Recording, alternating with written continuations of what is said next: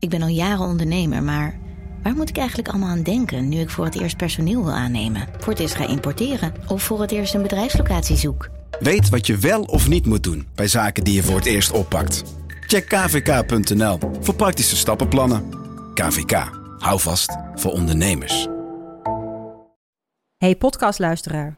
Ook op zoek naar een relevante invulling van je schaarse luisteruren? Tune dan in op de podcastserie ESG, even samengevat van BNP Paribas. Wij, Marloes en Aldert, spreken daar duurzame voorlopers en wereldverbeteraars. Waarover dan? Nou, bijvoorbeeld of we ooit duurzaam kunnen gaan vliegen. En waarom koeien in de stad nou een goed idee is? Dat en meer elke twee weken in een nieuwe aflevering. Dus abonneer je. ESG, even samengevat.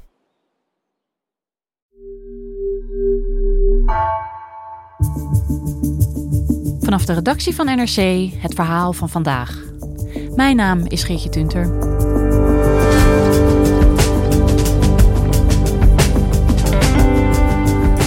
Toen de Nederlandse vaccinatiecampagne van start ging, werd daar met argusogen naar gekeken door de gereformeerde gemeenschap. Redacteur Marit Willemsen bezocht Neder-Betuwe, een gemeente in de Bijbelbelt met de laagste vaccinatiegraad van Nederland. Wat heeft de discussie over het coronavaccin daar teweeggebracht?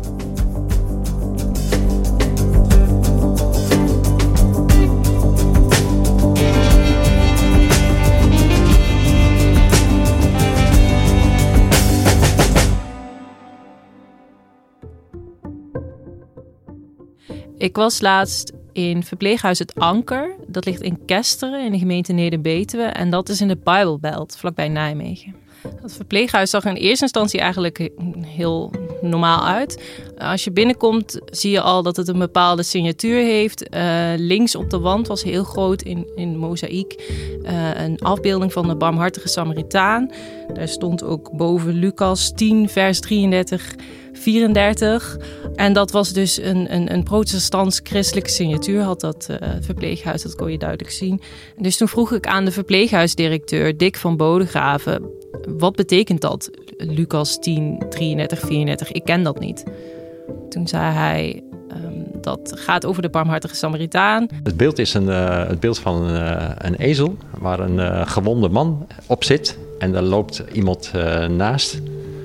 En dat is de barmhartige Samaritaan. En wat de betekenis heeft dat we als mensen naar elkaar omkijken. En dat iedereen even waardevol is. Dat iedere bewoner evenveel de zorg krijgt die nodig is. Dat we niet de ene bewoner uh, of medewerker belangrijker vinden dan de ander. maar we willen voor iedereen er zijn en voor iedereen zorgen. En we houden rekening met elkaar en we respecteren elkaar. En dat is eigenlijk ook wel tekenend voor hoe de vaccinatiestrategie in dat verpleeghuis is uitgerold. Men heeft respect voor het standpunt van de ander. Dus als je je niet wil laten vaccineren, dan is dat prima. Maar uh, de verpleeghuisdirecteur benadrukte telkens wel ook de verantwoordelijkheid die je hebt voor. En die vaccinatiestrategie hè, en uh, überhaupt vaccineren, dat was waarom jij uh, naar het anker bent geweest. Ja, ik was namelijk heel benieuwd hoe het stond met vaccineren, met de coronavaccinaties in die gemeente Neder-Betuwe. De Neder-Betuwe is een, is een kleine gemeente. Maar het is tevens een bijzondere gemeente, want die gemeente Neder-Betuwe heeft normaal de laagste vaccinatiegraad van Nederland als het gaat om het inenten tegen kinderziektes als uh, polio of mazelen of bof of rode hond. Die schommelt altijd rond de 50% en in 2020 was die uh, 54,2% dat is echt heel erg laag, zelfs lager nog dan op Urk, waar die vaccinatiegraad bij kinderen 61% is. Uh, dus ik was heel erg benieuwd, hoe zit dat dan met coronavaccinaties? En daar is eigenlijk iets heel opvallends aan de hand. Uh, Zo'n 60 tot 74 procent van de mensen boven de 18 heeft daar al tenminste één uh, coronavaccinatie gehad. En van de 65-plussers uh, schommelt dat zelfs rond de 80 procent, 75 tot 85 procent. En dat is eigenlijk heel gemiddeld voor de vaccinatiegraad wat betreft corona in Nederland. Ja, dus eigenlijk zie je hier dat de bereidheid om uh, tegen corona te vaccineren veel hoger is dan, dan tegen kinderziektes. Ja, absoluut. En ik vroeg me dus af, hoe kan dit? Ja, dus Marit, uh, Neder-Betuwe is een gereformeerde gemeenschap. Hè? Hoe kijkt die gemeenschap normaal gesproken aan tegen vaccinaties? Dat is, dat is heel verschillend. Gereformeerden en vaccinaties, dat ligt nogal gevoelig. En dat heeft te maken met eh, godsvoorzienigheid. Goddelijke voorzienigheid betekent dat je vertrouwt op God, dat eh, God en niet het lot of het noodlot of toeval bepaalt wat er in jouw leven gebeurt. Maar daarbinnen kun je ook weer verschillend naar vaccinatie kijken. Er zijn mensen die zeggen, nou de Bijbel zegt eigenlijk niks over vaccinatie, dat kan ook helemaal niet. Dus je moet daar zelf een beslissing in maken. Er is een groep christenen die zegt, nee, God heeft ons de middelen gegeven om bepaalde ziektes te bestrijden. Vaccinatie is daar één van. Dat niet gebruiken is zelfs God verzoeken. Dat kan ook. En dan is er de derde groep, en dat is de groep waar je het meeste van hoort doorgaans. Dat is de groep die zegt: nee, vaccinatie, dat is voor God spelen. Dat is op de stoel van God gaan zitten. En dat is die groep, dat zijn de diehards uh, die veel in het nieuws komen en waar je veel over hoort. En zij zijn moordicus tegen vaccinatie. Ik ben ook langs bij een huisarts, Harm van Blijderveen, in, op Heusden ook gemeente Neder-Betuwe. Die is zelf ook gereformeerd en daarom krijgt hij heel veel vragen van gereformeerden die in zijn praktijk komen. En uh, hij zegt over die derde groep dat je in principe wel voorzorgsmaatregelen mag nemen. Dat doet die derde groep ook. Zij nemen ook uh, vitaminepreparaten soms. Of mensen nemen ook bloeddrukverlagende middelen, ik zeg maar wat.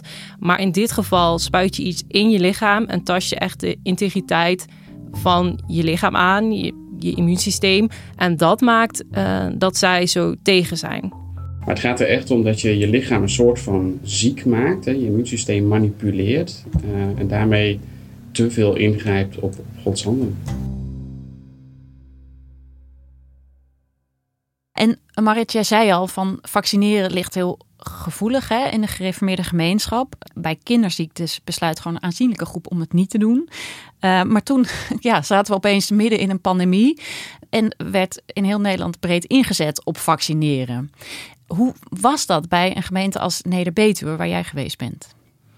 Nou ja, ik, ik, ik sprak dus met uh, de verpleeghuisdirecteur, met de huisarts, met de gemeente uh, en ook met de Nederlandse Patiëntenvereniging de NPV. Klinkt heel neutraal, maar dat is een christelijke uh, vereniging die christenen informeert over medisch-ethische thema's zoals abortus of euthanasie mm -hmm. of vaccinatie.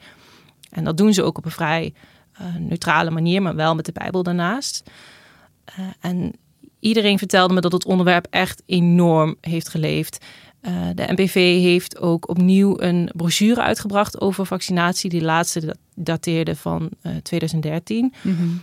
uh, omdat zij gewoon overspoeld werden met vragen. Moeten we vaccineren? Moeten we, wat moeten we doen? Zo'n folder, hè? Wat staat er dan bijvoorbeeld in? Nou ja, ik heb hem hier liggen. Uh, die folder die heet ook uh, wel of niet vaccineren, voorzienigheid, vertrouwen en verantwoordelijkheid. En mm -hmm. daar is dus ook een, een hoofdstuk, uh, hoofdstuk 6 gaat bijvoorbeeld ook over Gods voorzienigheid. En legt die drie verschillende visies uit die ik al benoemde over vaccineren. Um, daar staat ook in hoe vaccinaties tot stand komen. Uh, een argument voor christenen om, om nu niet van vaccinaties gebruik te maken is omdat er ooit gebruik gemaakt is van een fetale cellijn om die te ontwikkelen. Dat wil zeggen dat er ooit levende cellen uit een geaborteerde foetus zijn gehaald om hmm. de vaccinatie te ontwikkelen. En dat gebeurde in de jaren 70. Uh, de NPV-directeur Diederik van Dijk die vertelde mij ook dat het gerucht wel leeft dat er nog steeds abortussen nodig zouden zijn voor de ontwikkeling van vaccins, maar dat is dus niet zo ja. dat proberen zij dus uit de wereld te helpen. Ja, dus eigenlijk die, die folder, daar staat eigenlijk gewoon zuiver objectieve kennis in eigenlijk. Daar staat objectieve kennis in, maar wel uh, met de Bijbel ernaast. Dus Bijbelversen, hoe moet ik dit interpreteren? Hier heb je bijvoorbeeld hoofdstuk 6. Hoe verhoudt vaccinatie zich tot Gods voorzienigheid?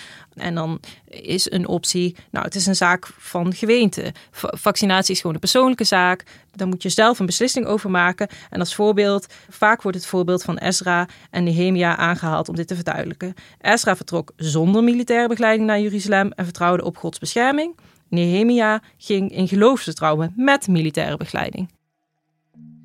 En nou ja, dat zo'n folder gedrukt wordt, dat zegt natuurlijk wel iets over hoezeer zoiets leeft. En dat is natuurlijk ook eigenlijk heel begrijpelijk in deze rare tijden. Ja, en ook de huisarts zei dat hij een paar maanden geleden wel tien keer per dag uh, van de 30 tot 40 patiënten die hij op een dag ziet, dus best veel, de vraag kreeg: uh, dokter, wat moet ik doen?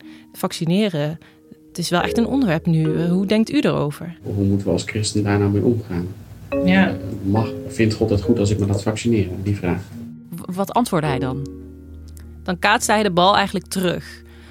Hij is gevaccineerd. Mhm. Veel van zijn collega's ook. De- daar maken zij ook geen geheim van. En dat doen ze ook om mensen toch een beetje te inspireren. Ehm, maar hij zei altijd: Waar zit uw twijfel? Waarom twijfelt u? Ja. En dan hadden mensen dus verschillende antwoorden. Dat argument voor godsvoorzienigheid, eh, dat kwam soms naar boven. Maar mensen hadden ook andere argumenten. eh, Dingen die je soms wel vaker hoort eh, in de maatschappij. Mhm. Ehm, nou ja, die fetale cellijnen, zijn er, dat is er dus één. Maar is zo'n vaccin wel veilig? Eh, hoe kan het dat zoiets zo snel ontwikkeld is? Dat is de vraag die in heel Nederland een beetje Ja, speelt. Hè? precies. Eh, bij zo snel ontwikkeld kan die wel veilig zijn. Hoe zit het met lange termijn effecten? Hoe moeten we daar tegenaan kijken? En daarover zei de huisarts wel, ehm, je moet de discussie wel zuiver houden.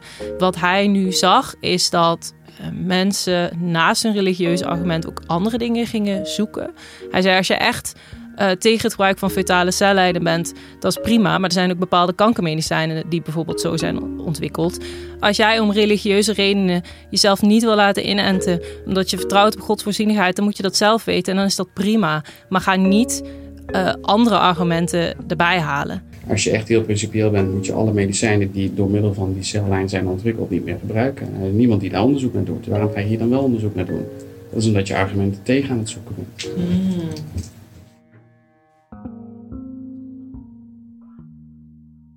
Lukt het hem ook om geloofsgenoten te overtuigen? Ik weet niet zozeer of, of hij bezig was met het overtuigen van anderen. Ik denk niet dat dat zijn taak is als dokter.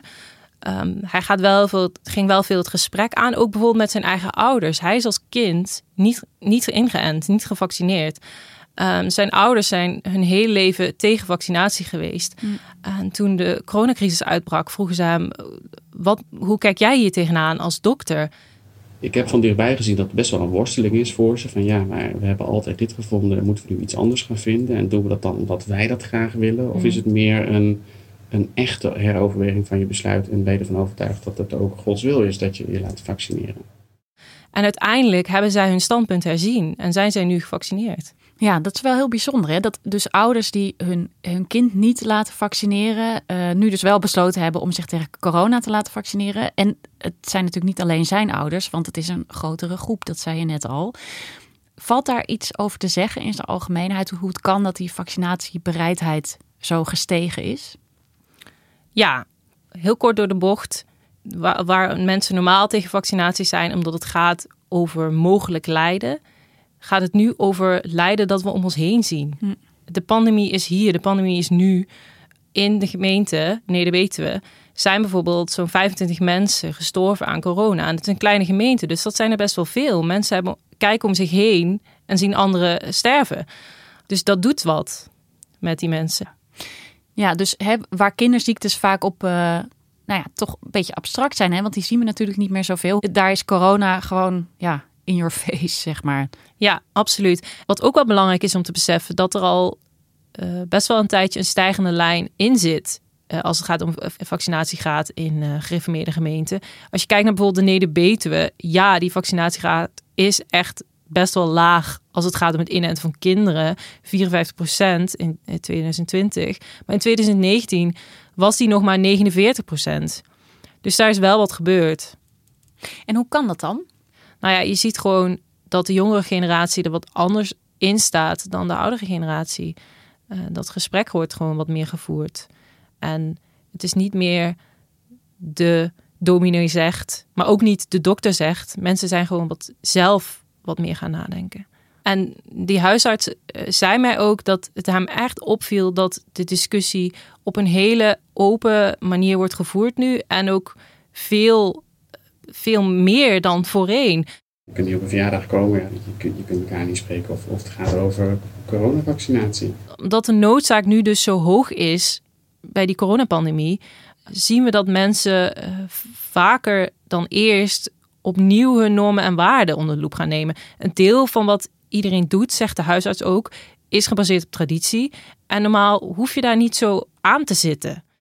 Als er geen pandemie is, is de noodzaak van een, van een herevalueren van je beslissing niet zo heel groot. Mm, ja. In deze coronapandemie kwam de vraag wel heel erg dichtbij. En je ziet dat er, dat er uh, heel breed een, een discussie is ontstaan. Die discussie is gevoerd, denk ik, heel open en eerlijk. En waarin uh, sommige mensen wel tot een heroverweging van hun besluit zijn gekomen. Misschien heeft God wel middelen gegeven om, zodat wij ze mogen gebruiken. En um, hoe zit dat dan met de vaccinatiebereidheid, of de vaccinatiegraad eigenlijk, in het verpleeghuis waar jij bent geweest? Want je kunt je voorstellen dat ouderen hè, wat strenger in de leer zijn. Um, maar je hebt ook verteld dat de vaccinatiegraad bij bijvoorbeeld 80-plussers best hoog is. Wat ben je te weten gekomen? Ja, die verpleeghuisdirecteur kon mij niet vertellen hoeveel uh, zorgmedewerkers er zijn ingeënt. Dat mag hij niet vragen. Mm -hmm. Maar van bewoners uh, kon hij wel een beetje een schatting maken. En hij dacht dat hij de 50% niet eens uh, gehaald heeft. Ja, dat is dus eigenlijk hartstikke laag. Ja, zeker. Ja. ja. En wat betekent dat voor een verpleeghuis? Dat, de, ja, dat ongeveer de helft van de mensen niet gevaccineerd is tegen corona. Ja, dat is dus best lastig iedereen die daar werkt, hè, die uh, is gereformeerd. En alle vrijwilligers ook. Dus uh, naast dat de bewoners niet gevaccineerd zijn, kun je dat ook niet zeggen van alle zorgmedewerkers. Ook al mag hij dat dus niet vragen. En wat dat voor hem betekent, is dat hij nu nog steeds werkt met beschermende middelen. Dat is in Nederland in principe niet verplicht meer in verpleeghuizen. Hij zei me dat hij verpleeghuizen kende waar die middelen eigenlijk al compleet zijn afgeschaald. Maar daar moet iedereen in de buurt van de bewoner steeds een mondkapje op, handschoenen aan. Ja, met dat soort maatregelen zullen wij langer doorgaan dan gemiddeld in de maatschappij. En, uh, en hoe lang uh, dat gaat duren, weet ik niet. De RIVM baseert maatregelen wat betreft het afschalen op verpleeghuizen die een vaccinatiegraad hebben van 80%. Nou ja, dat heeft hij niet. Dus hij moet naar eigen inzicht uh, een beetje kijken in overleg met de GGD en met de verpleeghuisarts wat hij doet. We houden rekening uh, met elkaar. Van de ene kant gaat het om de vrijheid van de gevaccineerden, aan de andere kant gaat het om de beperking van de niet gevaccineerden. En hoe ga je daar op een goede manier ook in de maatschappij met elkaar mee om? Nou, dat thema is, is een belangrijk thema hier in huis waarin we vooral veel met elkaar over praten. En dat is ook het, uh, ja, toch wel de lijn die wij hier met elkaar hebben. Dat we zeggen, ja, we, we zijn er voor elkaar, we, we, doen het met elkaar. We zijn solidair naar elkaar toe. En we respecteren zowel degenen die gevaccineerd zijn als degenen die niet gevaccineerd zijn. Maar verder zegt hij, ja, dit is ons, onze religieuze signatuur. Dit is ook onze kracht. En daar zitten consequenties aan vast dat coronajaar, dat heeft natuurlijk een hoop losgemaakt in deze gemeenschap. Um, in de gereformeerde gemeenschap. Maar het is niet zo dat iedereen een stand van, van mening is veranderd over, uh, over vaccineren. Nee, nee, zo moet je het denk ik niet zien. Uh, maar wat er wel is gebeurd, en uh, dat is ergens ook wel weer het mooie aan uh, deze crisis, zoverre er voordelen aan zitten, is dat nu die pandemie in alle hevigheid aanwezig is om ons heen, zijn mensen opnieuw gaan nadenken: waarom denk ik dit eigenlijk? En de directeur van die patiëntenvereniging die zei ook: uh, dat is eigenlijk ook helemaal niet zo erg. Uh, soms is het wel mooi om eens in de zoveel tijd je eigen standpunt onder de loep te nemen. Maar dan wel, zei hij, uh, met de Bijbel als betrouwbaar kompas.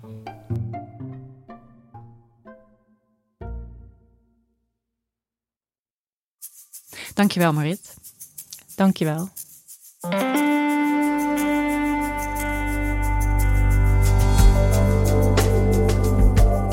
Je luisterde naar Vandaag, een podcast van NRC. Eén verhaal, elke dag. Deze aflevering werd gemaakt door Wijken van Koolwijk, Julia Vier en Jeroen Jaspers. Dit was vandaag, morgen weer.